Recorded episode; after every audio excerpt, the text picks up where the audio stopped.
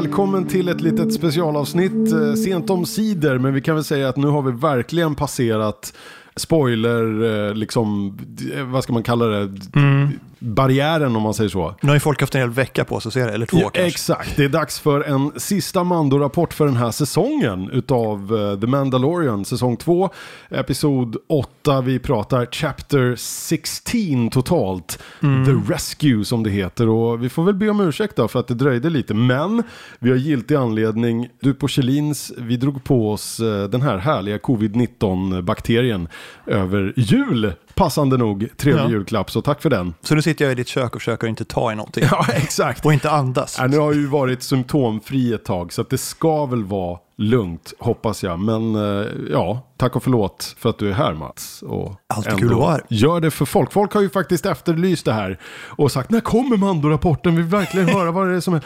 Och jag låg och liksom frossa under ett täcke och barnen skrek och ville ha frukost och du vet sådär. Så Det hade ju varit lite kul om du bara suttit och hostade igenom en Mando-rapport. Ja, exakt.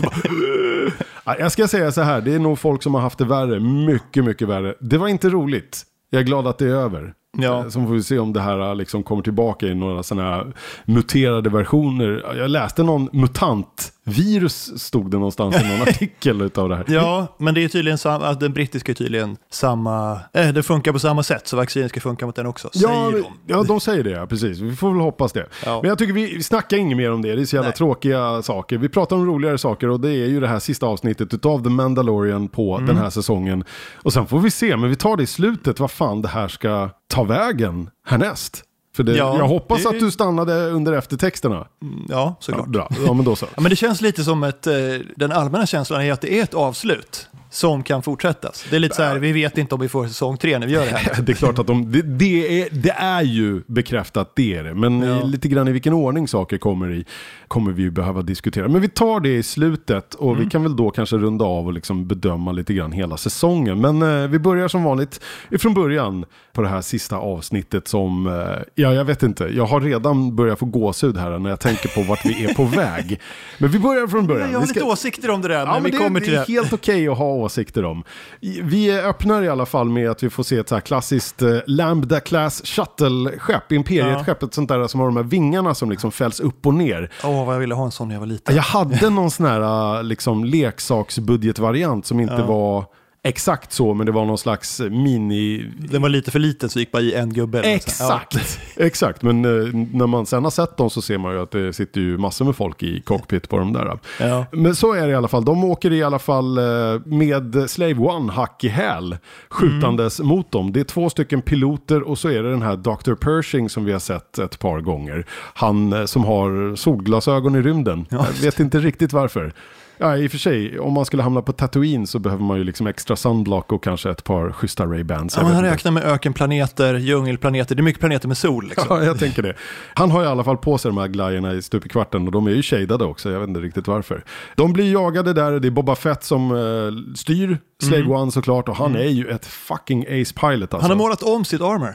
Ja, det har han, men det gjorde han väl förra avsnittet? kanske ja, det pratade vi om, Ja, att han hade en nylackerad rustning.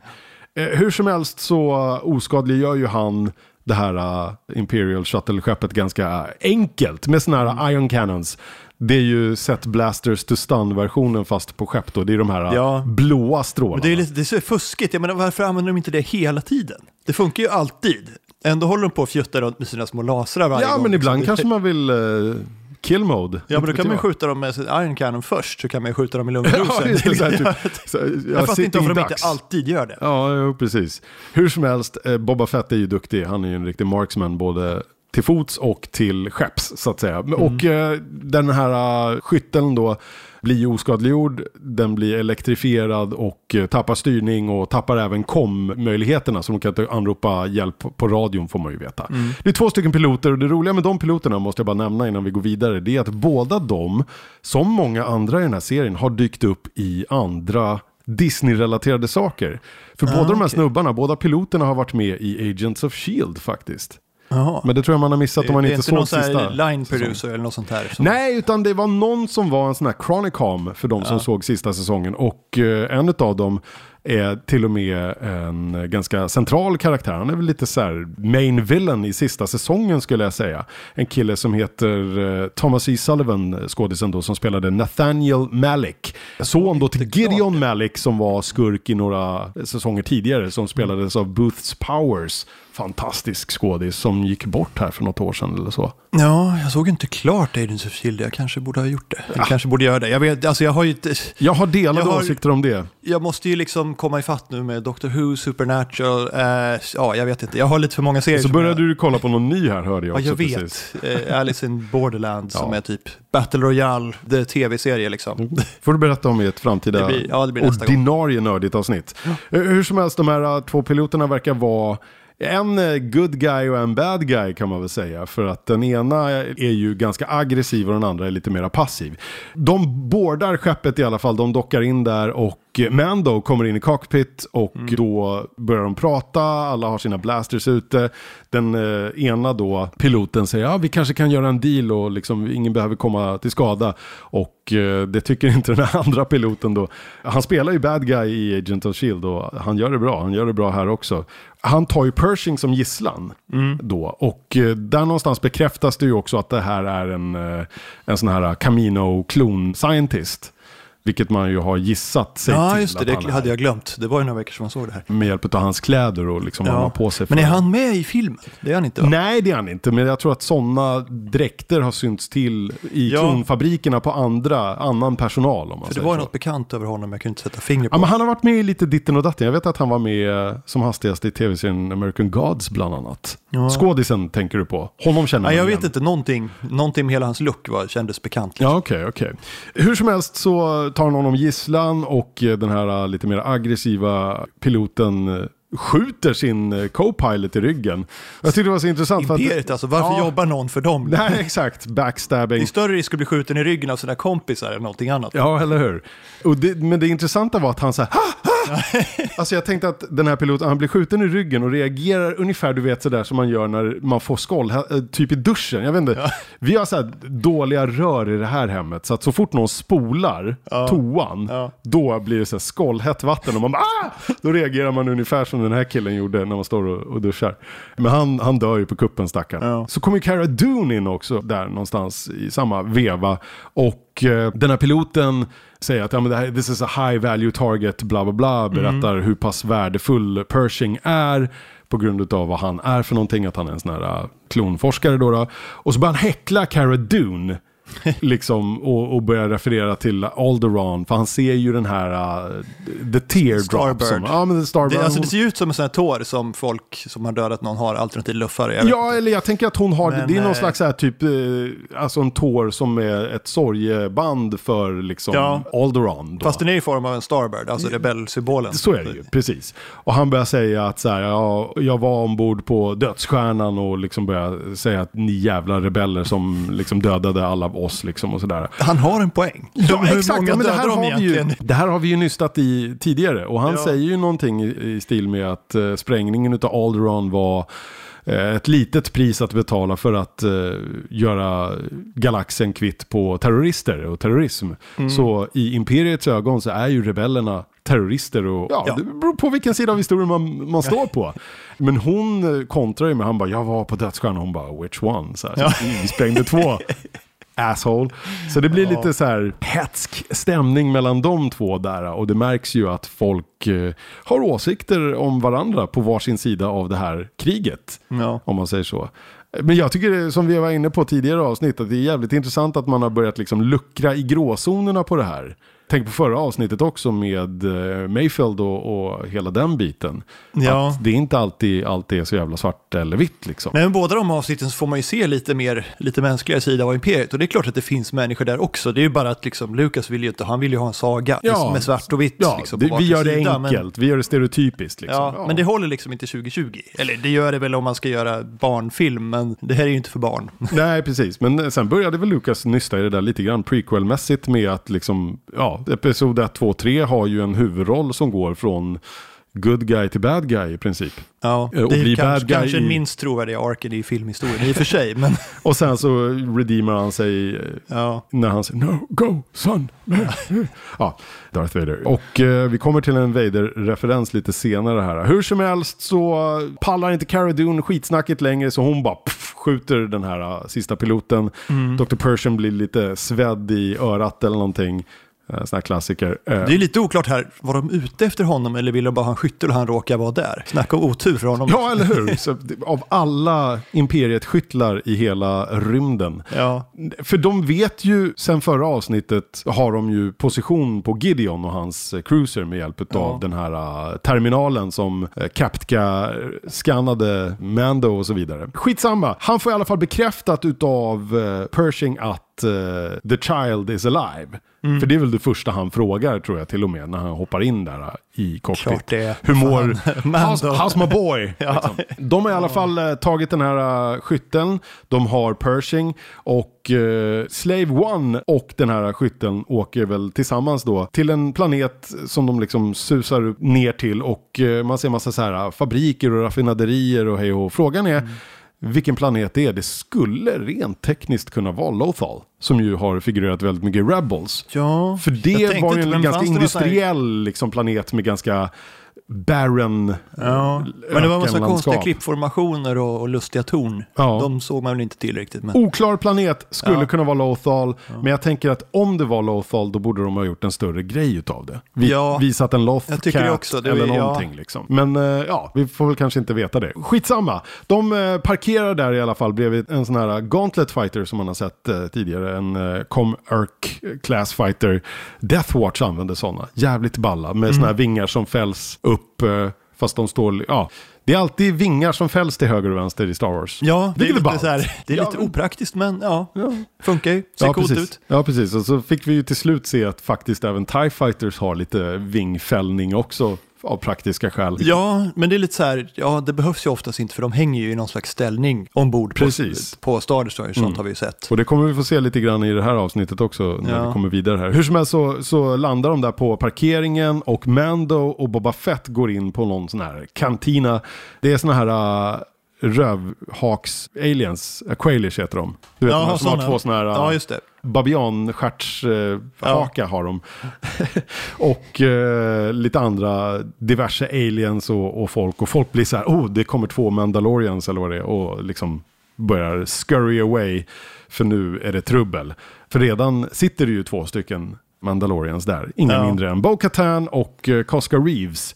Eh, Men jag undrar vart den tredje... Vad hände med nummer tre? Ja. Snubben fick inte vara med. Axe. Woves. Också en Agents of Shield-skurk för övrigt för den som undrar. Han fick inte vara med, han kanske kommer senare, vad vet jag. Hur som helst så går Mando och Boba Fett fram till dem och Mando säger att så här, jag behöver din hjälp. De har tagit tillfånga min eh, lilla adoptivson. Och hon svarar att ja, men det är inte alla Mandalorian som är Bounty Hunters. Vissa av oss har lite mera högre syfte med vad vi, vi gör liksom. Mm. Men han säger att eh, Gideon har fångat eh, lilla Grogu och då säger Bo-Katan att ja, men då kommer ni aldrig att hitta honom och då är det kört. Men uh, Mando säger att vi har ju intel på vad de är. Men Boba Fett hinner snacka där och bara "Ah, we don't need them. Eh, och då... Han är bara sur för att de sa det där om Bounty Hunt. Ja, men eller hur. Ja, det finns ju lite hostilitet där. Och direkt när han pratar så triggas ju och reagerar ju Bo-Katan och bara Du är inte en Mandalorian. Du, vad fan har du en rustning på dig för? Det är disgrace to the armor liksom. Ska hon säga. Håller på att ta av sig hjälmen. Ja, eller hur? Ja, men det finns ju olika övertygelser om hur man ska vara, vilken way man ska gå antar jag. Ja. Men Boba Fett svarar i alla fall jag sa, I never said I was liksom. Han har ingen prestige i att han är Mandalorian. Men frågan är, för så här, vi har ju fått veta att Jango Fett tekniskt sett är en foundling, vilket gör Ja. att han tekniskt sett eh, kan anses vara en Mandalorian. Och då är ju liksom hans avkomma släktmässig, jag vet inte hur det funkar. Ja, men det borde I de ju vara. Judendomen så väl- måste du ju ha en mamma för att det ska gå vidare i arv. Jag vet inte hur det funkar i Mandalorian liksom lore. Ja, men hans, det, är- det är ju hans klon. Ja, exakt. Och det kommer vi till också för att de börjar snacka skit med varandra. Eh, Boba Fett och hon, den andra Mandalorian-tjejen där, Cosca Reeves, börjar mucka. Och hon bara, you'll be talking through the window of a Bacta tank. Vilket väl är så här, typ så här, jag kommer skicka dig till kirurgen liksom. Med... Pling plong taxi till Ja, ja, klosterhuset. liksom. exakt. För en Bacta tank är ju en sån här som Luke eh, healar i efter, ja, Ja, efter precis. Den Cloud verkar magiskt kunna hela allting. Ja, men det är ju... Det är väl som, eh, vad heter det, Omnigelet i eh, Mass Effect. Ja. Någon form av läke... Ja, men, men Bacta Tank är ju... Ja. eh, Det är ju där du hamnar om du behöver hjälp med en avhuggen hand eller vad det nu kan vara för någonting. Och Bo-Katan bara, men save it for the imps, liksom, sluta tjafsa. Men eh, det blir mer hetskt. Mando säger då att vi vet vad Gideon är, vi har en sån här uh, Lambda Cruiser. Eh, den kan ju faktiskt vara till er hjälp senare, ni kan få den och återta Mandalore och vad ni nu vill hålla på med. Då vet man att de kommer kvadda när han säger det. Liksom. Ja, eller hur? Och Boba Fett säger att, ja, men vad fan ska ni till Mandalore? Det är ju paj där liksom. Det är ju kört. Det, det liksom finns inget kvar. Bo-Katan säger att, ja men du det förtjänar inte att ha på dig den där rustningen. Och Boba Fett säger att det här är min pappas rustning så jag är visst bla bla bla. Koska säger bara, vadå din pappa? Menar du inte din donator? Liksom, så här, klonjävel. Så det blir ju väldigt hetskt det där. Och eh, Bo-Katan påpekar att jag har hört din röst tusen gånger. Liksom, och, ja. de refererar till att du är bara en jävla klon. Liksom. Men det är kul att det är Tamara Morrison nu. Ja, istället absolut. för, eh, vad heter han, han som dog nyligen. Ja, Eh, och det sk- får vi nämna också att eh, Jeremy Bullock, vi har ju faktiskt haft ett uh, nördigt avsnitt där vi hade honom och eh, Amanda Tapping heter hon va? Ja, Från just Stargate. eh, som var sådana här sci-fi-mässan gäster ett Ja. år och eh, vi passade på att ha med dem i podden. Så det finns ett avsnitt där man kan lyssna på. Väldigt trevlig liten gullig herre som eh, var original Boba Fett. Men väldigt sen så... populär bland fansen för att bara ha varit med liksom två sekunder och inte visat ansiktet. Ja, eller hur? Och i det här avsnittet kan man gå tillbaka och lyssna. Det finns en fantastisk historia där han berättar hur han fuckade upp sin mest ikoniska replik. Ja. Put Captain Cargo in the Solo Bay. Hade han tydligen sagt. Så jävla charmig, gullig liten gubbe. Som nyligen gick ur tiden. May he rest in the force. Ja, eh, men i alla fall så är det ju nu eh, Tamara Morrison och det verkar det ju bli här ett tag framöver. Det blir jävligt hetskt. De börjar bråka och eh, Koska och eh, Boba Fett eh, har en liten fight där. Det är alltid kul att se Mandalorians fightas med sina vajrar och sina eldkastare och sina jetpacks och liksom Ja. en, ett bar brawl. Det är några bord som går nu kommer sönder jag inte där. ihåg om de, om de har med den här klassiska när de skjuter en vajer runt armen på någon och de bara står där och tittar på armen. Jo, som jag det tror inte gick att flytta på sig. Liksom. det är det som händer. Men, det är här, men den är inte förlamad, det är bara en vajer liksom. Gör Ja, någonting. Dra! Du har pistol, Sparka mig, honom stånga liksom. mig, gör någonting. Ja, men det blir en liten Ja. kort fight, men Bo-Katan säger liksom att så här, lägg av nu, Ja. skärpning. Och så går hon med till slut på att ja, men vi hjälper er, men jag ska ha Moff Gideon, jag ska ha The Dark Saber så jag kan återta Mandalore. Och så säger hon till Mando att det är aldrig för sent för dig att joina vår cause. Ja, och sen eh, så joinar de varandra i alla fall och alla hoppar ombord på Slave One där Mando, Boba Fett, Cara Dune, Fennec Shand också såklart. Och så Cosca Reeves och Bo-Katan eh, sitter och så blir det lite skön exposition. Ja, Pershing sitter ju i något hörn där också. Ja, och eh, hjälper ju till med lite info och intel. Eh, hur som helst så blir det ju lite så här, ja, what's the game plan? Och eh, Bo-Katan börjar lägga upp en strategi. De pratar om, och eh, just den här eh, Dr. Pershing säger att eh, ni får passa er för det, Moff Gideon har sådana här dark troopers ombord. Eh, och Mando frågar hur många liksom, soldater handlar det om och han bara inga. Det är tredje generationens version. Det finns inget mänskligt. De är full-on droids. Så nu får vi ju det bekräftat också. För det har ju figurerat Dark Troopers i olika Star Wars-lore tidigare som har varit dels här typ genmanipulerade Ja. supersoldater. Det var ju, eh, de var ju det i Rogue One va? Förstärkta i Rogue One. Var inte det Dark Troopers? Nej, Eller de det... kallades ju för något annat. Ja just det, men det var ju typ samma. Ja, du, du menar de här svarta Stormtroopers? Death Troopers var Death det. Ja, det. Troopers heter de ja, precis. Men, eh, no, nej, men man såg ju det när de snodde Grogu, att de, det var ju robotar. Ja, de precis. fick ju inte de någon människa i de Ja. dräkterna. Liksom. Så, Men nu, som eh, Pershing påpekar, de har tagit bort den sista svagheten de hade, mänskligheten. Liksom. Nu är de full on droids och Ja. eh, badass som fan. Och eh, säger att de sitter i något så här kylfack någonstans och latent vilar. Mm. Eh, måste aktiveras och så frågar de hur lång tid tar det för dem att aktivera? Ja, men ett par minuter. Så, Så lång tid som storyn kräver. Ja, men lite så här. Vad är storymässigt eh, Ja. eh, lämpligt här? Ja. Fennec Shand snor ju åt sig hans eh, sån här eh, code cylinder som det heter. Sån här Mm. nyckelgrej som man kommer in överallt med i såna här paneler. Och ger den till Mando och bara, men den här kan du använda dig utav och liksom stänga dörrarna och stänga in de här Dark Troopersarna. Eh, förekomma dem innan de aktiveras. Och sen så börjar även Bo-Katan att berätta hennes plan då. Att eh, vi splittrar oss i två team. Mando bara, I go alone. Hon bara, fine. Två team, du är ett team, vi är resten. Okej. Eh, och planen är att de då ska fejka en, liksom, en jakt. De ska hoppa ur hyperrymden. Slave One ska jaga den här uh, imperiet-skytten. De ska anropa och säga nödläge, vi måste komma in, släpp in oss, hjälp oss, vi blir jagade. Vargen kommer, vargen kommer. Eh, och eh, sen ska de in där och liksom gå full on guns blazing. Team 1 då, då och sen team One Man Wolfpack med Mando. Han ska smyga undan och de distraherar. Eh, Sagt och gjort så är det i princip det de gör och någonstans där i krokarna så säger hon att vad som än händer säger Bo-Katan, så är Moff Gideon min. Men Cara Dune säger att ja, men han är ju väldigt värdefull för oss i The New Republic med sitt Intel som han har ifrån ISB. Eh, det här vi pratade om tidigare, Imperial Security Bureau eller vad det hette. Vi behöver honom levande för hans Intel och Bo-Katan säger skitsamma, jag bryr mig inte så länge han surrender to me som hon säger. Eh, Och det är ju en referens Det finns till... ju en anledning till det, men det berättar ju inte hon. Nej, precis. Nej, men eh, man börjar ju ana och har man haft lite koll på tidigare eh, vändor kring The Dark Saber så tror jag Ja. att man fattar vart det här barkar. Men det blir mer tydligt senare. Sagt och gjort så gör de i alla fall och verkställer den här planen. Slave One fejkar och pew-pewar lite så här eh, runt omkring och de anropar den här stora cruisern och säger att så här Mayday, mayday, vi behöver komma in, släpp in oss, vi blir jagade. Det är nödläge och uh, Moff Gideon är ju, han anar ju någonting så han bara launch the TIE fighters liksom to intercept. Så de skickar ut två TIE fighters och tanken med hela det här gängets plan var ju att de skulle proppa igen det.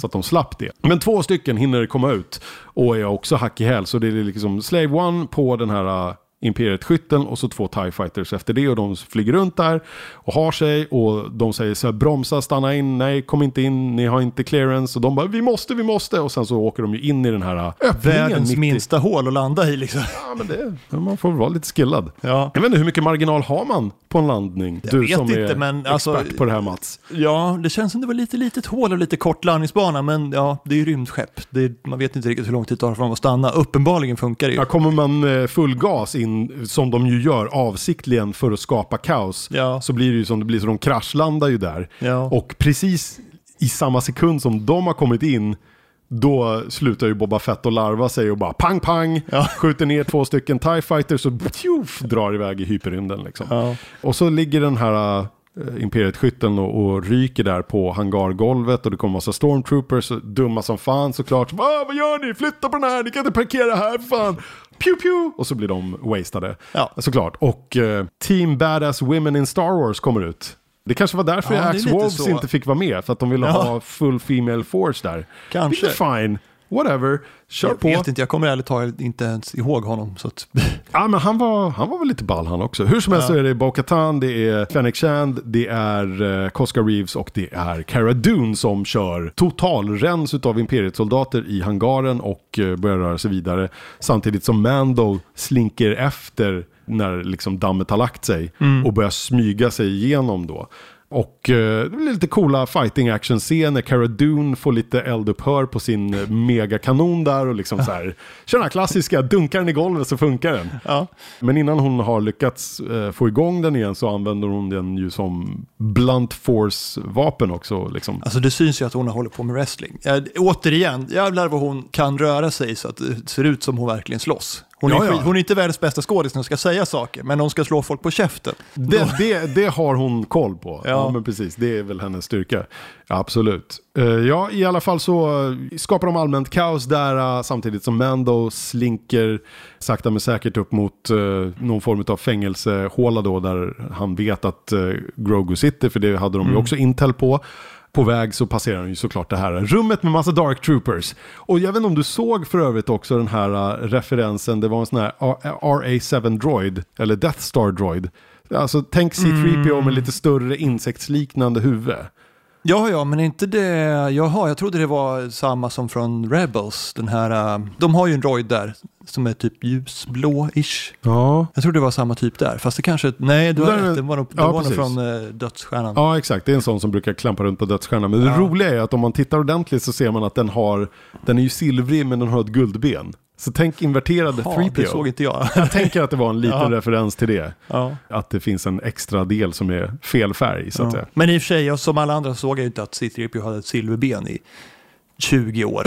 men det var liksom- beror ju på att det var ganska taskig bild på de här gamla VHS-kassetterna vi tittade på originalfilmerna på innan de Ja, det är inte så många helkroppsbilder heller, men ändå liksom när man såg det och insåg att det har varit så hela Mm. tiden.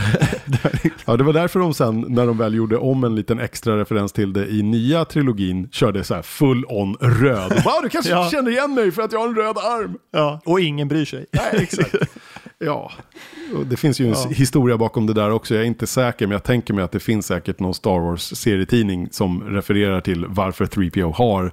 Förmodligen, men jag har inte läst alla dem tyvärr. Nej, inte jag Jag har heller. läst Dr. Afra och det är ju, vad heter det, Legends nu. va? Ja, men frågan är, jag tänker att när verkar Dr. Afra? Är det i nutid eller är det i... Jag tror att det är precis Old efter Republic. sjätte filmen har jag för mig. Okej. Ett tag ryktades det ju om att den här uh, tv-serien som var på gång, som skulle vara Female Centric, skulle handla om Mm. henne. Men det är ju den här The Acolyte. The Acolyte, ja. Och den ska utspela sig under The High Republic, långt, långt bak i tiden. Mm. Men det är synd, jag gillar Dr. Afra. Inte Det bara kanske- för att det är en gammal kollega som har skrivit det, men Jaha, okej, ja, men det kan säkert dyka upp. Jag menar, man nystar ju i eh, karaktär till höger och vänster här som Mm. återkommer. Så att vi får väl se. Var är vi någonstans? Vi är, eh, Mando tar sig till eh, The Brig. Mm. Och eh, Team Star Wars Girl Power är på väg upp till The Brygg. Ja. Alltså, ja. Bryggan är de på väg till och Mando är på väg till fängelsecellen då. Och när han kommer fram till den här Dark Trooper-rummet, då har ju de börjat då power up liksom.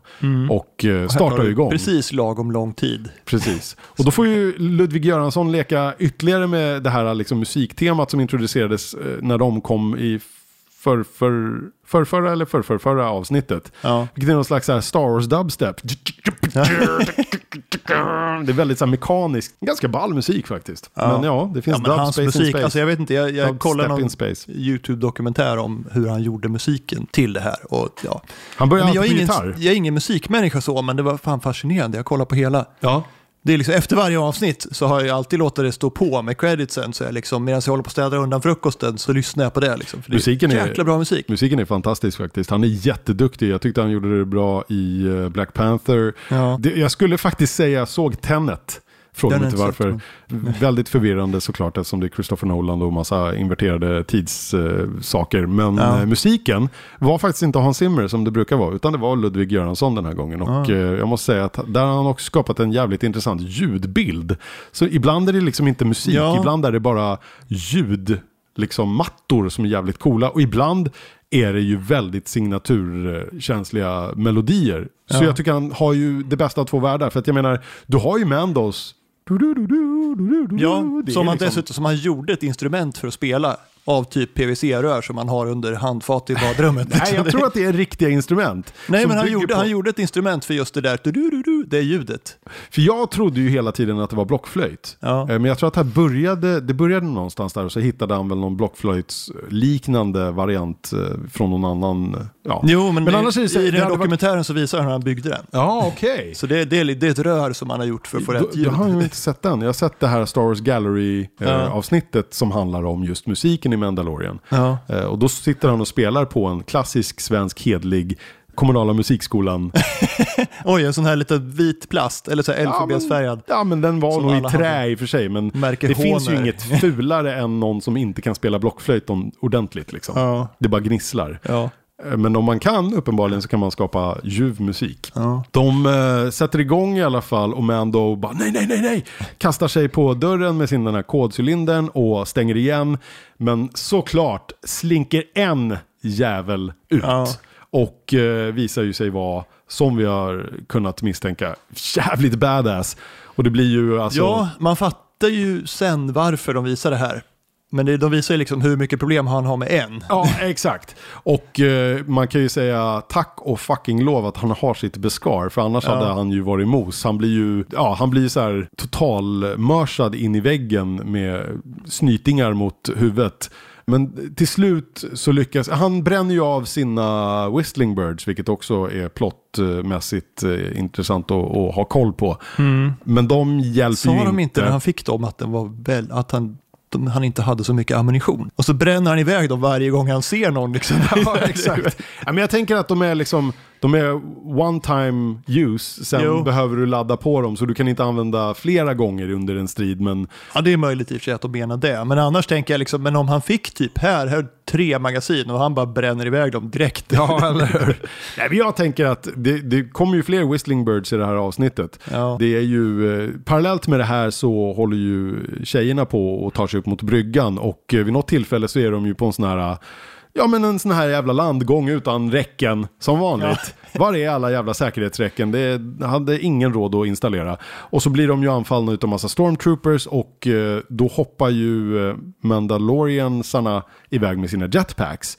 Och Cara Dune och Fennec Shand står kvar och så kommer de Halt! Stop right there! Men eh, så kommer de ju tillbaka och kör sina Whistling Birds och det trillar ner stackars stormtroopers rakt ut i rymden. Ner för de här liksom kraftfältsöppningarna som också av någon anledning finns. Kunde de inte ha ett kraftfält som folk studsar på då, så att de inte faller ut i Ja, rymden men lite såhär gång? som Jag en vet inte, eh, så här- trapets. eh, Ja, men Ja, verkligen. När de ändå inte har några räcken. Jag menar, vem sköter säkerheten på det här bygget? Liksom? Ja, det är Har de inga så skyddsombud? Nej, jag tänker att de har, de har dåligt inte. Nej, nej, det är helt kört. Jag, jag tänker så här också. Tänk om du råkar trilla ner och rakt Ja. ner i det där hålet while in hyperspace. Ja, Satan, vilka brännskador.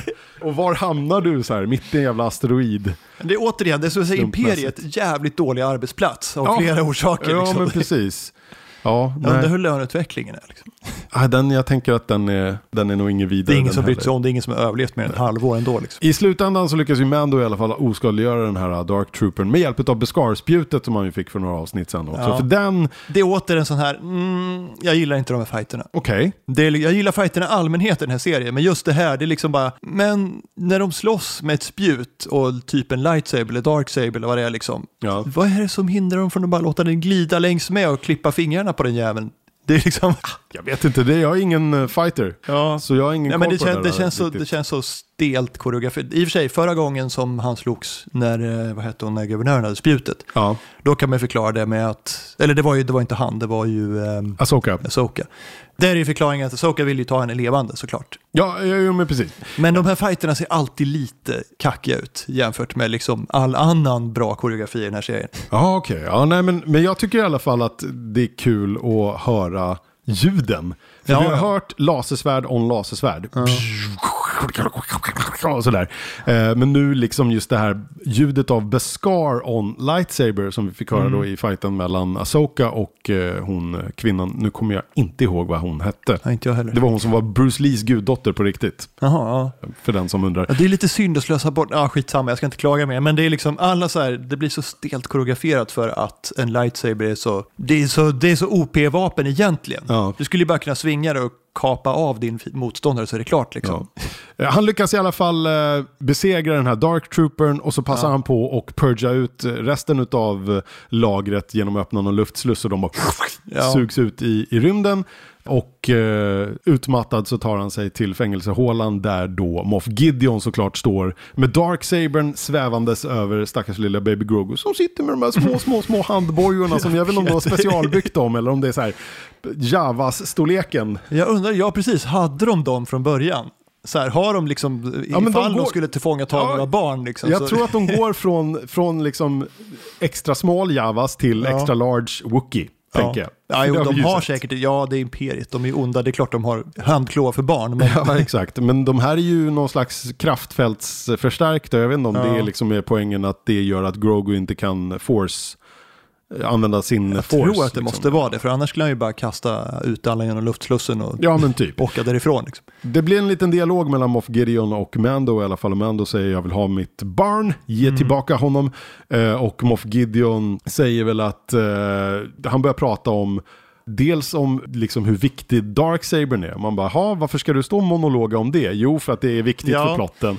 Eh, exposition Och time. Mando säger att jag skiter i det där jävla svärdet. Du kan ha Ja. det och behålla det. Stoppa upp det någonstans. Liksom. Jag, jag vill bara ha the child. Jag vill ha min lilla baby Grogu. Mm. Och Gideon säger att ja, men du kan få tillbaka honom. Jag har fått allt jag behöver utav honom. Jag behövde hans blod. Och så säger han att jag ville bara bring back order to the galaxy. Mm. Återigen, Imperiet vill ha ordning och reda. Och ja. Ja. det är olika sidor av eh, åsikter här om man säger så. Oavsett så är det såklart att Moff Gideon kan ju inte hålla någon form av så här, men ta honom så tar jag bla bla bla. Fast Utan någon sekund där så tänkte jag liksom att, ja, kanske. är han smart liksom? Ja, för han, liksom, han fattar ju att han inte har en chans här, men det gör han inte. Ja.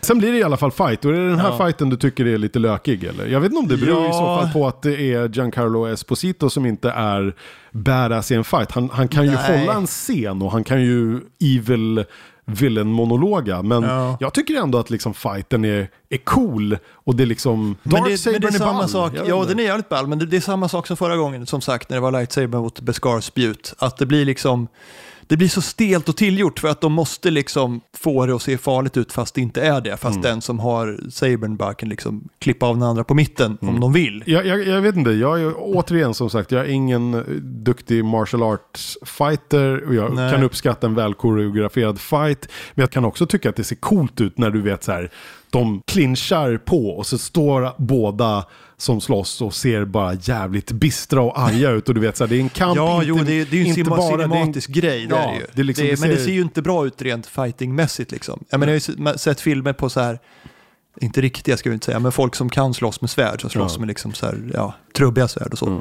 Det ser ju inte riktigt ut så där när man slåss med svärd. Det går jävligt fort.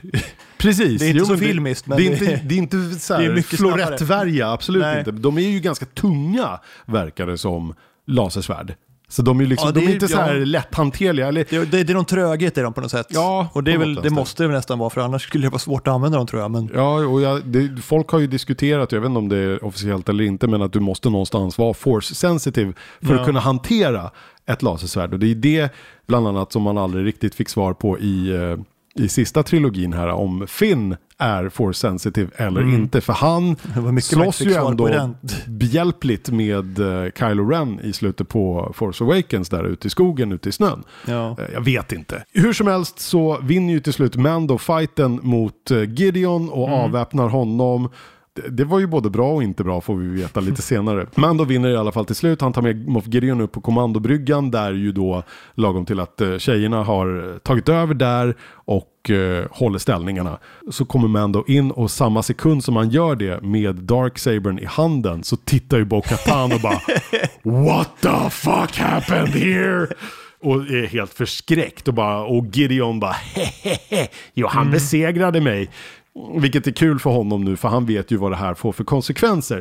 Why don't you just kill him now? Eller någonting säger han ju. Och Mando bara, Men det har man väl lite fått, eh, fått höra i Rebels innan om man har sett det. För där var det lite om Darksaber, absolut, hur, men- man, hur man tar över den och sådär. Men jag vill minnas att Sabine Wren Ja. gav Darksabern till Bo-Katan. ja, och det finns ju en fan... Och sa typ så här, jag, jag vill inte, du får. Nej, precis. Och det finns ju en fanteori om att hon blev avsatt på grund av det och att nu har hon lärt sig att man måste ta Ah, den. Okej, ska- ja, ja men det fattar jag och det köper jag. Okej, så att förra gången så gick hon med på att ta Darksabern Ja, för att då och då tyckte de inte det att hon var legitim. Bara Nej, du är inte hade- legitim eh, liksom ruler of Mandalore för du måste Mm. vinna den här Darksabern i fighten.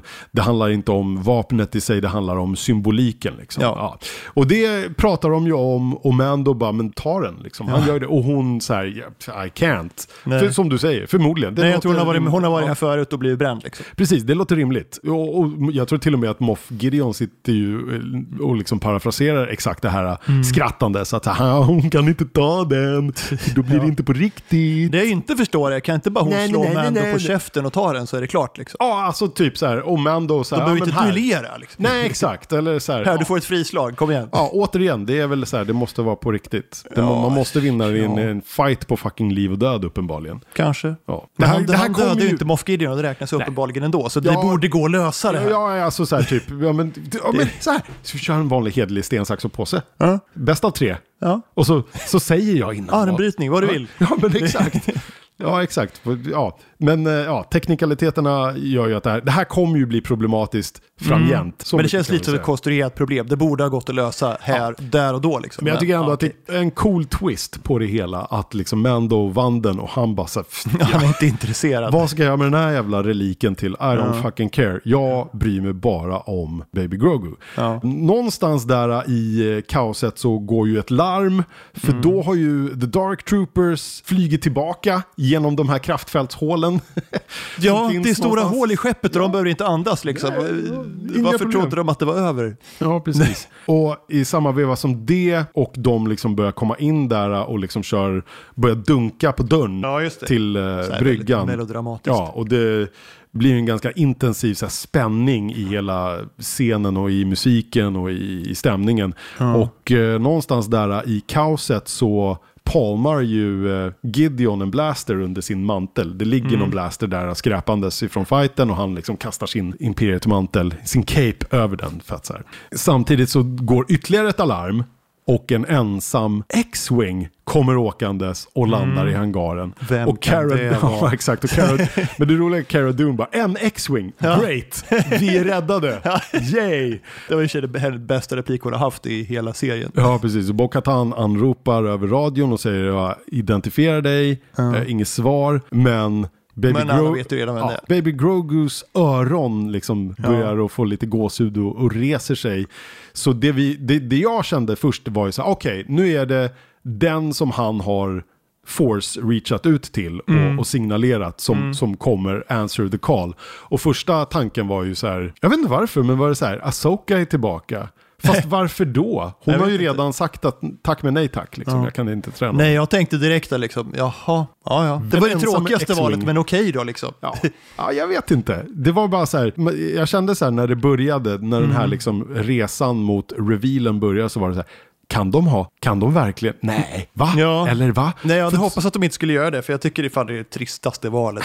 Mest uppenbara, men ja, ja. Ja, jag vet inte. Det, ja, Det var så uppenbart så det var inte uppenbart liksom. det, det är klart att det var det, men jag tänkte så här, hur fan ska de lösa det här? Vågar de verkligen gå den vägen? Och det Mm. som händer är ju att man får se de här dark troopersarna bli eh, De blir ju decimerade. Ja, och det är men- liksom, Mando hade problem med en. Ja, Och men- den här jedin bara liksom sveper dem åt sidan. man får ju se att det är en uh, luvbeklädd jedi med Ja. lasersvärd. Men eftersom man Svart får se... mantel, grönt lasersvärd. Nej, fast det, det roliga är att man börjar ju att se det på en monitor Ja. ifrån det här kontrollrummet. Och då är det ju inte i färg, så då ser man ju bara något jävla lysande lasersvärd. Och det blir Ja. Och sådär. Nej, de, gör, de gör ju snygg gradvis reveal, men Ja. man fattar ju ändå, alla som har sett filmerna fattar ju från början. Men sen kommer den första Lite grann. revealen, det är ett grönt lasersvärd. Aha, ser man på skaftet så känner man igen att det är Lukes då egenbyggda andra lasersvärd från Return of the Jedi. Tittar man extra noga ytterligare så ser man att eh, det finns en eh, svart eh, handskklädd hand, nästa ledtråd och sen den sista ledtråden, jag vet inte om du tänkte på det, men såg du eh, belt buckle, liksom spännet? Jag Bält- tänkte inte på det faktiskt, för då hade jag redan fattat vem det Ja. var för länge sedan. Men, Jo, ja. ja. men det fattar man ju. Och eh, det blir en jävligt episk eh, fight i alla fall med Ja, det måste man ge igen. Alltså, jag känner att det är paralleller med den ganska coola Darth Vader när han går full on badass i Rogue One och rensar rebeller. Det är lite liknande, för vi har ju fått demonstrerat nu två gånger hur jävla grymma eh, Dark Troopers är. Ja. Och jag, Så kommer han och bara sopa mattan Ja. med dem. Han svettas inte ens, men han, han rör sig knappt. nej, och, och och grejen är att jag skulle vilja påstå att även om det är en jävligt snygg och välkoreograferad fight så tycker Ja. jag att de har tagit hänsyn till Luke Skywalkers, som det ju är då, Mm. rörelsemönster i den mån vi har sett det i tidigare filmer. Nu var ju Mark Hamill tränade ju arslet av sig för att göra balla liksom, fighting-scener. Sen har det ju såklart gjorts bättre och bättre och bättre allt eftersom. Och någonstans pikade det väl framförallt i Darth Maul-svängen med Ray Parks, liksom martial arts-sväng. Ja, Mark Hamill var någon, prequel-trilogin. han var väl aldrig någon atlet så. Nej. Men han gjorde så gott han kunde och det såg ju coolt ut. Men det var ju anpassat för att han inte var så jäkla sportig liksom. Ja, precis. Och sen så kan man väl också dra tankar om att det kanske är att han har ju, han har ju inte fått träna rejält ordentligt till jedi. Han har ju fått lite så här semi-halv-tjaskig, Mm. läsa på komvux på distans. Ja, lite så. ja, men du vet, så han, han har några lektioner med, med Obi-Wan. Han, han har lite så här hård tränings, typ, eh, inte vet jag, dugga-vecka på uh, Dagobah. Där han fick liksom köra intensiv Mhm. Ja, kurs. där, det var ju bara taskigt. Och sen har han ju bara fått lite så här sköna råd via force ghosting från Obi-Wan och use the force. Okej? How? Ja, men det, det är ju bara taskigt egentligen det, i den filmen när, liksom, när Yoda säger att nu är du klar. Ja. Vadå klar? Han var där en vecka liksom. Ja, exakt. han, han kan ju ingenting. Och det var ju du som var tvungen att lyfta upp X-wingen. Jag Ja. klarade inte ens Han är det. inte alls klar. Nej, men det, det är väldigt oklart med när du får ditt jedi-diplom kan jag tycka. Ja, det är lite- lite- Hur mycket Jag träning? tycker att det är lite subjektivt. Ja, det är väldigt subjektivt. Skitsamma, fan vad han är badass och han rensar bort de här Dark Troopersna och det ser jävligt ballt ut och sen Mm. kommer den stora, stora, stora, stora, stora revealen eh, när han väl kommer upp där. Mm. När han tar av sig- Ja, någonstans där i kaoset så passar ju Moff Gideon på att försöka skapa kaos och börja skjuta på allt och alla. Mm. Han skjuter Bo-Katan, liksom skadar henne lite grann, börjar sikta på Grogu och man bara nej, nej, nej, nej, nej, nej. Och Mando hoppar emellan och tar kulan så att säga och eh, sen försöker han skjuta sig själv också Moff Gideon men Ja, det. Cara Dune så här, tsch, stoppar Ja, honom. det är ju faktiskt en rätt cool detalj att han försöker skjuta sig själv för att det är liksom bara fuck, det är Luke Skywalker liksom. Det är, så här, det är imperiets skräck. Det är kört. bättre att dö än att möta Ja, men honom. precis. Liksom. Ja, okej. Ja, nej, men precis. Luke Skywalker är det. Han tar av sig sin hoodie. Jag vet inte om du tänkte på den subtila liksom, skiftningen i musik också. Från Ludwig Göranssons soundtrack till klassisk John Williams. Faktiskt inte, men jag tänker så jävla på musik. Nej, men titta om och, och känn om gåshuden reser sig lite extra. För det blir förmodligen. just liksom Lukes theme Ja. i John Williams tappning som den liksom så sakta men säkert glider över i. Vilket jag tycker är coolt för att det är första gången som vi har gammal retro Star Wars musik med i den här serien om man säger så. Mm. Och det är passande eftersom det, liksom, det är hans signaturmelodi. Det är ju. Och eh, kackig CG som du säger. Ja, Det jag är menar, det är väl ja, det är klart det är tv-serienivå på det, men jag tycker det, ja. Ja, men jag hade tänker så hellre här. sett någon annan än Luke Skywalker, för jag tycker att det var så, Jag tänker så här, det, det, Disney har ju lyckats med det här förr, framförallt i MCU. Mm. Med, jag tänker tänker på alltså det finns goda exempel och så finns det några halvtaskiga. När de föryngrade Downey, alltså Stark, till liksom hans gamla 80-talskarriär Alltså, hela- i, något, i någon scen i, i, någon, i Civil War tror jag det är. Ja. Då såg det lite si och så ut. men i Captain Marvel såg det ju skitbra ut. Nick Fury i Captain Marvel, men det är så här, det är för att Sam Jackson kan ju se antingen 20 år äldre eller yngre ut beroende på om man rakar sig eller inte. Jo, och, men, sen, men, och så gjorde de, fyllde de väl i Phil Coulsons flikar liksom. Men Kurt Russell i eh, Guardians 2 ser fantastiskt bra ut. Jag- Mm. men det, Michael- det är lite Michael varierande. Jag menar, så, uh, ser helt okej ut här och var, men det har liksom lite sådär... första Ant-Man var inte bra. Alltså. Nej, men precis. Eh, Det var skräckfilmsterritorium när de... det, vad det roliga är att det är ju folk som har tagit de här scenerna och Ja. kört ordentlig deepfake på dem och Ja. gjort dem bättre. Det finns någon som har gjort det med gamla, alltså den här uh, Tron Legacy-filmen, där de ju föryngrade Jeff Bridges. Ja. Och eh, gjorde en bättre version av det. Det är någon som redan till och med har hunnit göra det här. Eh, Alltså, så här, jag, jag, jag såg och tyckte också att det såg lite si och så ut. Ja. Det är ju då en eh, body double kille och googlar man fram honom, han heter Max Lloyd Jones. Han har varit med i lite andra filmer, han var med i War for the Planet of the Apes bland annat. Så är det så här, ja, han, han ser ut som en ung kille som har ungefär samma liksom käkformation som Mark Hamill hade back in the day. Och så kan man plästa på men uppenbarligen så finns det ju folk, amatörer som kan göra det bättre än ILM då, eller vilka det nu är som Fast gör det är det. klart, jag menar de amatörerna har ju förmodligen suttit där i i 40 timmar och de kanske hade två timmar på sig att göra det. Jag, ja, men jag tänker mig att det, det är en budget och tidsgrej. Ja, hur De som helst. Tid, det hade gått att göra bättre, men de Ja. inte tid. Hur som helst så är det ju en body double, men Mark Hamill har ju Ja. också varit inblandad. Jag vet inte hur. Om han, det var är liksom... väldigt, han var väldigt glad på Instagram. Ja, precis. Han står ju krediterad i eftertexterna. Han, jag vet inte hur. face för all del. Ja, och det är det ju. Liksom. Och jag vet inte om det är liksom de har använt hans röst och sen föryngrat den på något sätt, för den har ju också Ja. förändrats. ja. Eller vad det är. Eh, Skitsamma. Jag, jag blev lite smått distraherad utav det, men i det stora hela så tycker jag det är skitsamma, för jag tyckte det var så jävla ballt ändå. Och hur Mm. uppenbart det än må vara att det var Luke Skywalker så tycker jag att det var häftigt att det var Luke Skywalker. Jag fick gåshud och jag fällde nog fan en tår alltså. Ja, Det- både, det- både och. för jag menar, jag, jag, fick, jag fick lite... Slår han en sträng i hjärtat på en liksom. Ja, jo, men jag kände lite likadant. Men samtidigt lite i bakhuvudet kände jag, men kunde de inte ha gjort något annat? Men Luke Skywalker Men vad skulle igen. de ha gjort istället? Men Ezra. Ezra? Ja. Ja. men det kommer och det är inte dags än. Så Nej, tänker det är jag väl där. inte det kanske. Men det hade varit kul att se någon, någon annan, någon nyare liksom. Ja, jag hade ju en teori om Mace Windu. Att Ja. han fortfarande är around. Och det har ju typ så här. Ju sig Nu här nyligen har konstigt. Sam Jackson varit så här lite märklig på internet angående sånt. Jag tror han fyllde år här Det kan ju sistens. mycket väl hända att han dyker upp i en viss annan serie som utannonserades i slutet av det här avsnittet. Ja, men typ. Eller någon av de andra hundra Star Wars-serierna som är på gång. Ja. Jag är i alla fall fullt övertygad om att Mace Window lives. Så, Mm. hashtag Mace Window lives. I alla fall så säger Luke Skywalker att eh, jag är här för att ta hand om det lilla Force-barnet. Och Mando påpekar att "Ja, men han verkar inte vilja gå med dig. Liksom. Och Mm. Luke säger att "Nej, men det- är okej. Han väntar bara på din tillåtelse för han har fäst sig så mycket vid dig så han behöver Mm. ha din välsignelse att komma med mig. Ja, alltså om man inte fällde en tår när Luke kom in så gjorde man det ju här. Ja, jo men absolut. Och det var ju, det, det var ju då det blev full on waterworks. Ja. Eh, och eh, Mando säger att eh, han är väldigt vä- värdefull för mig och Luke säger jag lovar att ta hand om honom, jag ska träna honom om han behöver och träningen annars är det helt värdelöst. Ja, det vet ju han. Ja, ja, ja men precis. Så blir det ett litet uh, tårfyllt farväl där, där uh, Mando plockar upp Grogu i famnen och så kommer ju nästa grej när man bara, ska de, ska de, ja, för det här har de ju också liksom gradvis byggt upp till, Ja. han tar av sig hjälmen, nu är det skitsamma.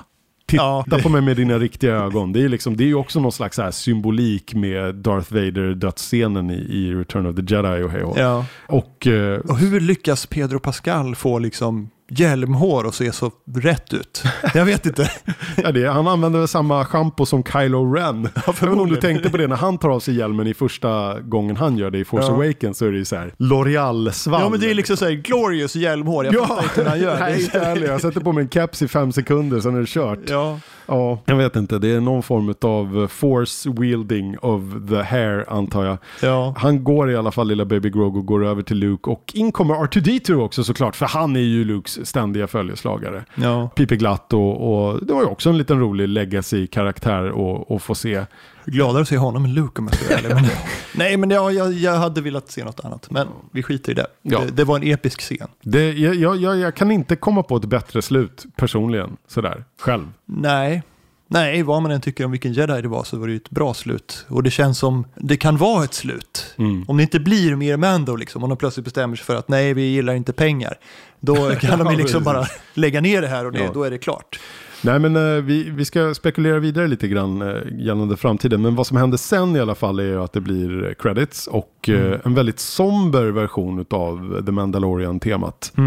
Vilket gjorde att jag, så här, du vet, jag satt kvar och bara så här, du vet, så här, skulle låta det sjunka in. Ja. Och tacka fan för det. Men jag gör precis som du oftast, eh, eller alltid ska jag säga, när man tittar på de här avsnitten. Och så är det ju alltid det här snygga concept art-grejerna som de visar under eftertexterna. Ja, men här ja, men var du det bara... på, liksom. mm, här var det bara svart. Men sen så tittar man ju också på vad det står på eftertexterna. Och det var ju då Peyton Reed, hör och häpna, som regisserade det här avsnittet. Jaha.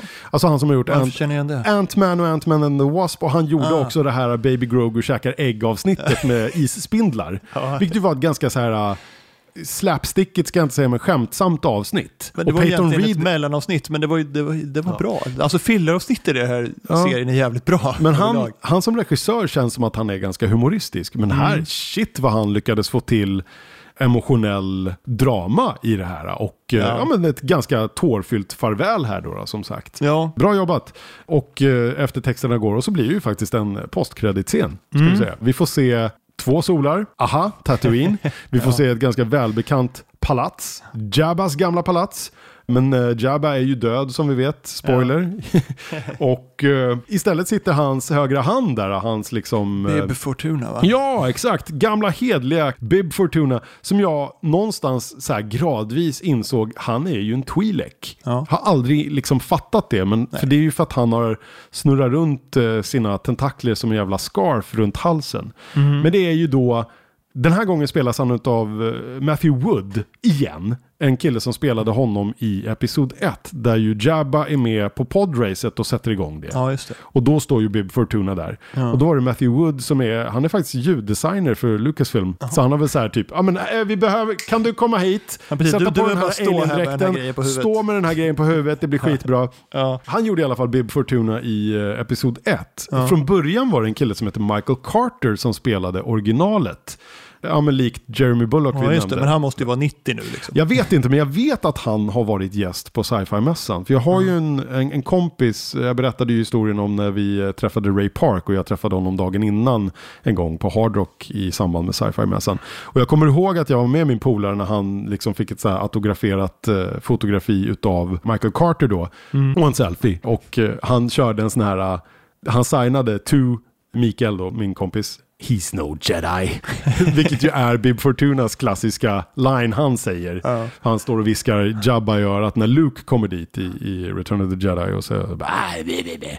Men nu är det i alla fall den här killen från prequel-trilogin. Och utan att, ingen fat-shaming här, men han har ju lagt på sig lite grann. Jag tror, men jag undrar om jag inte försöker efterlikna Jabba Jag lite tänker grann. att liksom det, det är någon form av uh, så här, gudfader, maffia, power-grej. Att Ja. liksom vara lite så här lätt jigg och, och bara sitta och, och slänga, ja. Ja. men lite så här på en divan. Men de Fast nu kanske, de kanske tron. har en så här, det kanske är någon så här kultgrej på, på Tatooine, att liksom Du ska stora vara- människor har mycket makt. Liksom. Ja, och jag menar det finns ju en... eh, Bokstavligt talat stora människor. Ja, och det, som sagt, det finns ju alltså eh, sumobrottare i, i Japan är ju väldigt, väldigt ansedda. Ja. På grund utav, och ju större desto bättre antar jag. Ja. Det, det är ju, fan, säga vad man vill, men det är väl coolt att det kan finnas ett sånt positivt ideal kring en sån kropps... Ja, jag vet inte. Ja. Hur som helst. Nu går det ju inte så bra för honom. Nej, det gör ju inte det. Utan han sitter ju där på sin tron. Någon kommer ner för trappan. Det liknar lite grann hur, eh, vad heter hon? Alltså Leia är ju utklädd till någon slags eh, Bosch. Bosch eller någonting. ja, heter hon. precis. Heter hon inte Bosch? Eh, ja, eller är det en original Bounty Hunter?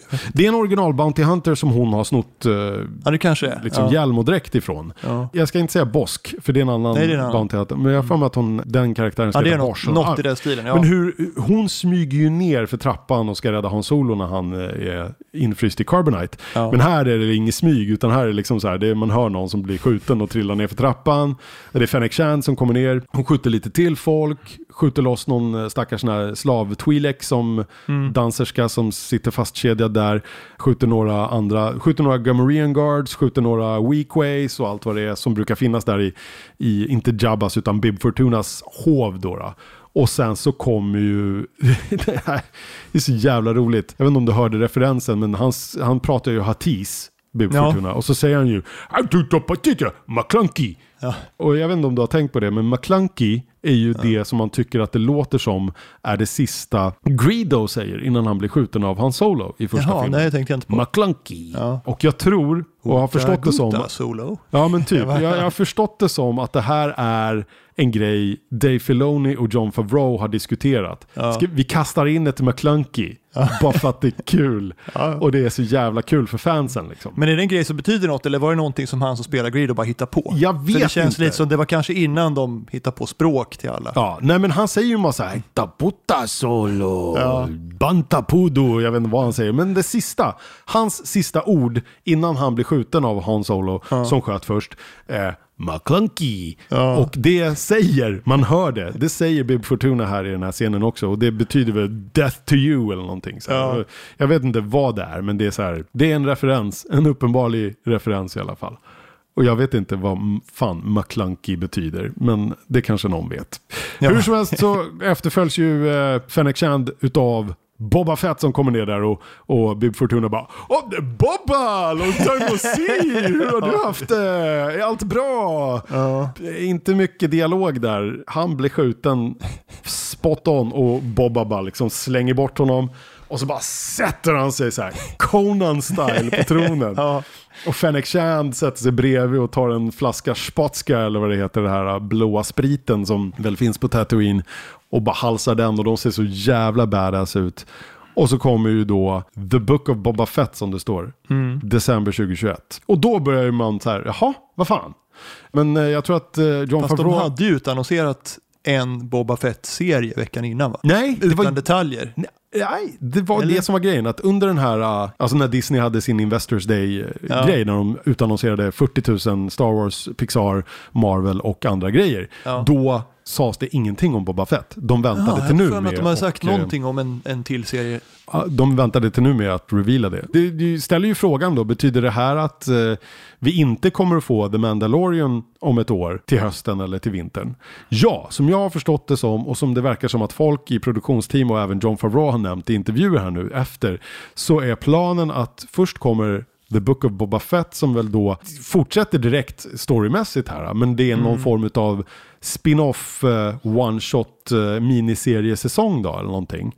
Och sen kommer The Mandalorian säsong 3, Chapter 17 och, och framåt, komma någon gång på vårkanten 2022. Ja, fast Så- de tar ett extra år för den. Liksom. Ja, för de börjar med Boba Fett, men sen är det väl inte helt otroligt att Mando dyker upp i Boba Fett-serien, tror jag. Nej, nu känner de ju varandra. Ja, men verkligen. Och rör sig i samma kretsar antar jag. Ja. Så jag tänker att det här, liksom, det här är bara olika kapitel i samma story. Ja. Eh, och eh, det är samma sak med de här två andra serierna som utannonserats. Rangers of the New Republic kommer ju också röra sig i samma värld under samma tidsperiod. Och sen även Asoka serien lika så. Men det är liksom parallella historier som löper på olika ställen. Sen tror jag att de kommer att korsas och, och mötas här och var. Asoka är på jakt efter Thrawn. Hon kommer stöta på Ezra, jag lovar dig. Boba Fett, jag vet inte vad hans agenda är här. Nej, han ville få jag- revansch och ta över Boba Fetts palats. Men Ja. vad vill han sen då? Vad är hans agenda här? Nej, jag vet inte. Han kanske behöver ha ett nytt ställe att bo. Liksom. Han, han har ju fått tillbaka sin rustning. Ja. Vad vill han nu?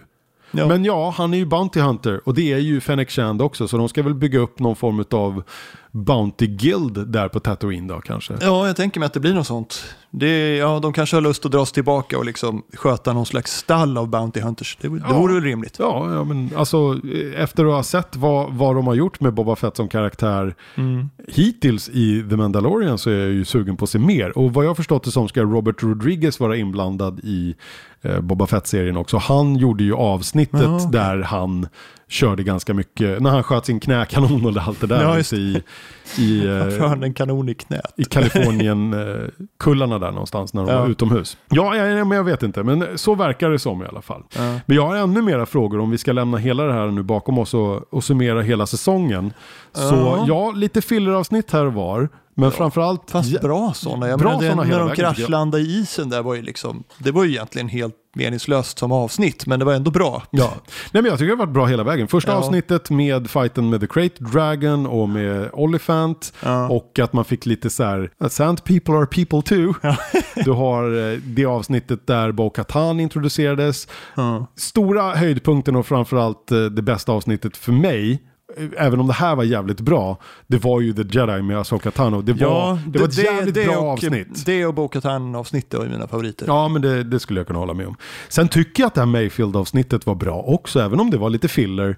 Så var det ju så här, man fick se som sagt en annan sida av eh, imperiet. Och Ja. ja, jag tycker ingenting har varit ointressant, så skulle jag vilja säga. Och jag Nej. tycker om när den här serien puttrar på lite grann också. Och inte alltid behöver vara plott, plott, plott, utan att det bara kan vara lite stämning och lite saker som händer. Men det är ju lite deras kännemärke på något sätt. Men det känns ju som Star Wars, fast ett Star Wars som tar lite tid på sig. Ja, liksom. som inte Som hastar inte- fram liksom. Ja, det måste inte skjutas grejer i varje scen. Nej, men eh, det finns ju frågor, det gör det ju definitivt. Om vi ska Ja. blicka framåt. Vad händer med Grogu? Han är med Luke. Mm. vi vet var det är på väg. Luke startar en ny Jedi Academy. Där ju även Ben Solo ingår Går i... lika eh, bra som för den gamla. Ja, jag tänkte det. Ben Solo kom ju dit i elevskaran. Ja. Och vi vet ju att eh, han när han gick full on Kylo Ren slaktade ju allt och alla där. Ja. Inkluderar det Grogu? För i så fall vet fan om jag är okej med Eller flyr han igen med hjälp Ja. av R2D2 liksom. Ja, exakt. Det, och det är ju det här som är svårt att, att lappa in vad Grogu finns i pusslet eftersom vi inte Ja. har sett honom alls i eh, avslutande Skywalker-saga-trilogin. Men Nej, jag kan han köpa måste att han, han kanske åker iväg på någon men- jävla exil. Ja, Det kanske är där Mace Windu kommer in. Vi får Mm. se, vi får se. han kanske reser tillbaka tiden och blir Mm. Yoda. Ja, ja. Det nej. kanske bara finns en. There can only be one. Eller det finns ju två ja, uppenbarligen. det, det finns ja. ju. En manlig och en kvinnlig. Ja. Men och vad händer härnäst med, med Mando? Oavsett vad The Book of Boba Fett kommer att handla om. Vad är det på väg? Jo, han är den rättmätiga ägaren av The Dark Saber Mm. som ju är ett problem för Bo-Katan. De Det är ett problem för honom, han vill ju inte ha den. Nej, precis. Och hennes endgame är att hon vill återta Mandalore. Vad nu det ska vara bra för, för allt folk har sagt om Mandalore är att det bara är skrot och aska kvar. Men det finns en symbolik med det också antar jag. Jag har svårt att tänka mig att någon kommer acceptera henne ä- om hon kommer tillbaka med sin Dark Saber Nej, igen. nej, nej. Även om hon spöar Mando för att ta den liksom. Ja, exakt. Så, att det, För hon har ju fuckat upp en gång. Mm. Jag tror inte de kommer ge henne en chans till. så det kommer ju bli någon slags maktstrid där och det är ju Mm. säkert vad Mandalorian säsong 3 kommer att handla om då, kan jag tänka mig. Ja. Men sen är det också så här, vad händer med Grogus blod? Gideon säger ju att jag har fått det jag behöver. Fast har han det eller var det bara ett trick? Men, Är det- nej, är men det lite- verkar ju som att han har utvunnit... Ja, varför för sig, skulle han är annars typ säga det? någon som ljuger i de här serierna. Nej. Säger de att det är så så är det ju förmodligen så. Ja, jag skulle säga det. Ja, precis. Obi-Wan bara, ja, tekniskt sett sa inte jag någonting. Jag sa bara att, eh, ja, han är din pappa, vadå? då? Ja. Ja, exakt. Ja. Teknikaliteter. Nej, men alltså, jag tänker så här, eh, teorin och det de liksom har hintat om i det avsnittet, som Mm. också var jävligt bra på den här vulkanbasen som de sprängde upp i luften, var ju de här genmanipulerade testtube-människorna, eller vad det nu är. Använder de Grogus blod för att odla fram Snoke? För Snoke var ja, ju de försöker ju odla fram någon slags supermänniska i alla fall. med force-krafter. Ja, för att använda. Ja. Jag tänker mig att det kan ju backknytas ihop den vägen. ja. Men eh, frågan är, och jag tror att Giancarlo Esposito också har hintat om att hans roll i det hela med Moff Gideon är inte över utan att Mm. han kommer också figurera framöver. Sen har vi ju Thrawn också. ja, han har inte ens varit med än. Nej, han är ju nämnd, Ja. så att någonstans är han. Och sen har vi Ezra. Ja. Det är mycket frågor och vi kommer att få svar tids nog. Och Ja, det har man ju Men det, verkligen ja, att se fram alltså, emot. det, det kommer bli så jäkla mycket Star Wars. Jag menar, nu är vi bortskämda med Star Trek. Nu har vi tre aktiva Star Trek-serier samtidigt. Ja. Men eh, det kommer bli samma sak med Star Wars. Det kommer Ja. bli ännu mer. Vi sa 11 stycken va? Ja, något sånt. Någonting men de kommer inte sånt. samtidigt, men ändå. Liksom, det, det kommer inte bli någon brist på Star Wars-innehåll om man Vad säger fan så. var det vi sa? Det, var, det är Asoka, det är The Acolyte, det är Cassian Andor-serien, det Ja. är eh, Rangers of the New Republic, Lando, Obi-Wan.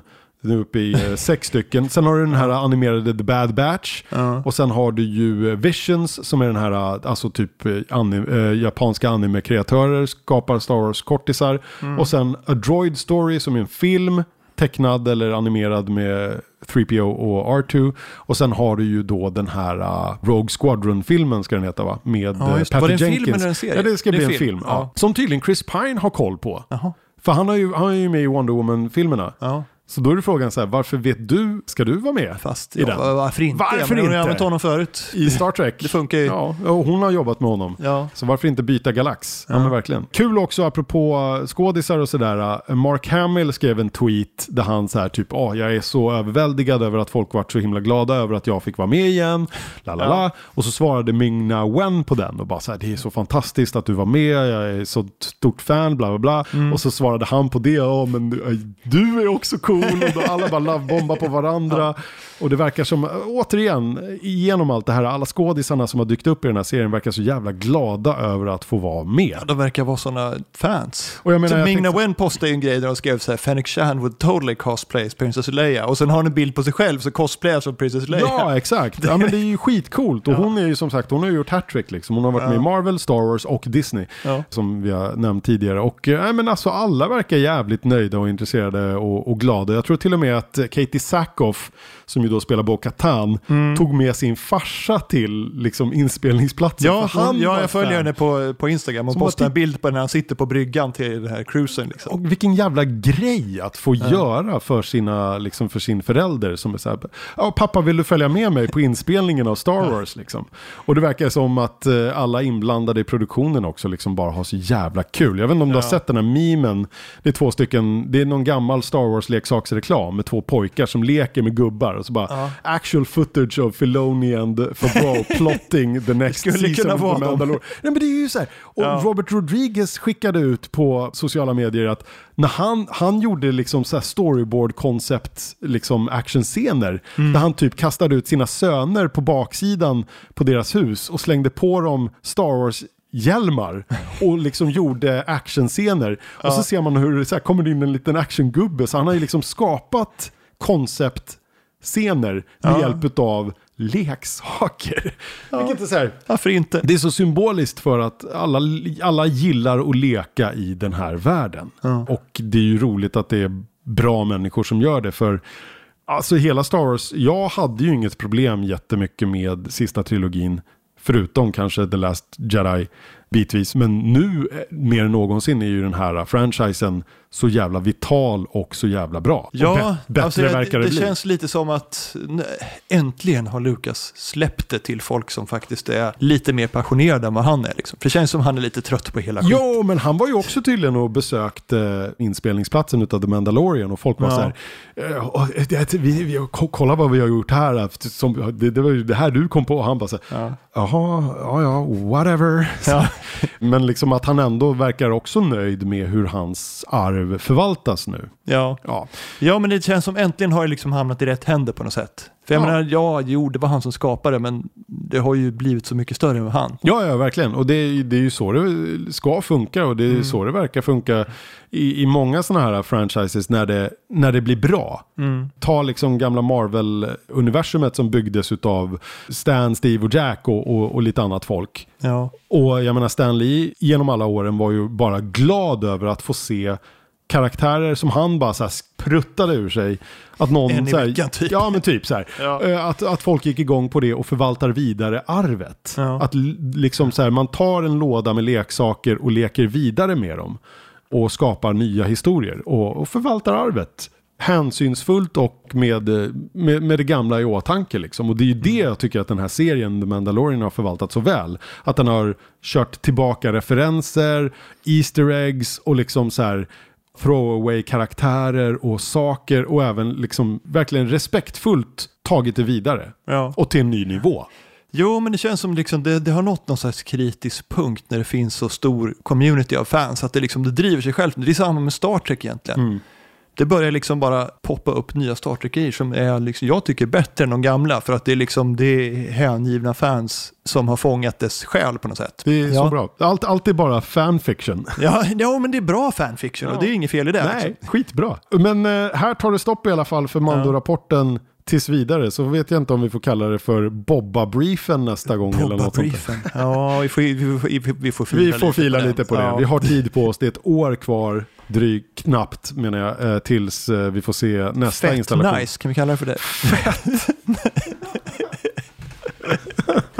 Ja, förslag mottages eh, gladeligen via lyssnarmail at nördigt.nu. Hoppas du har njutit och haft kul med det här specialavsnittet. Eh, Hör av dig och berätta vad du själv tycker om CG, Luke och eh, Baby Grogus avslut. Mm. Så sätter vi stopp för det här den här gången.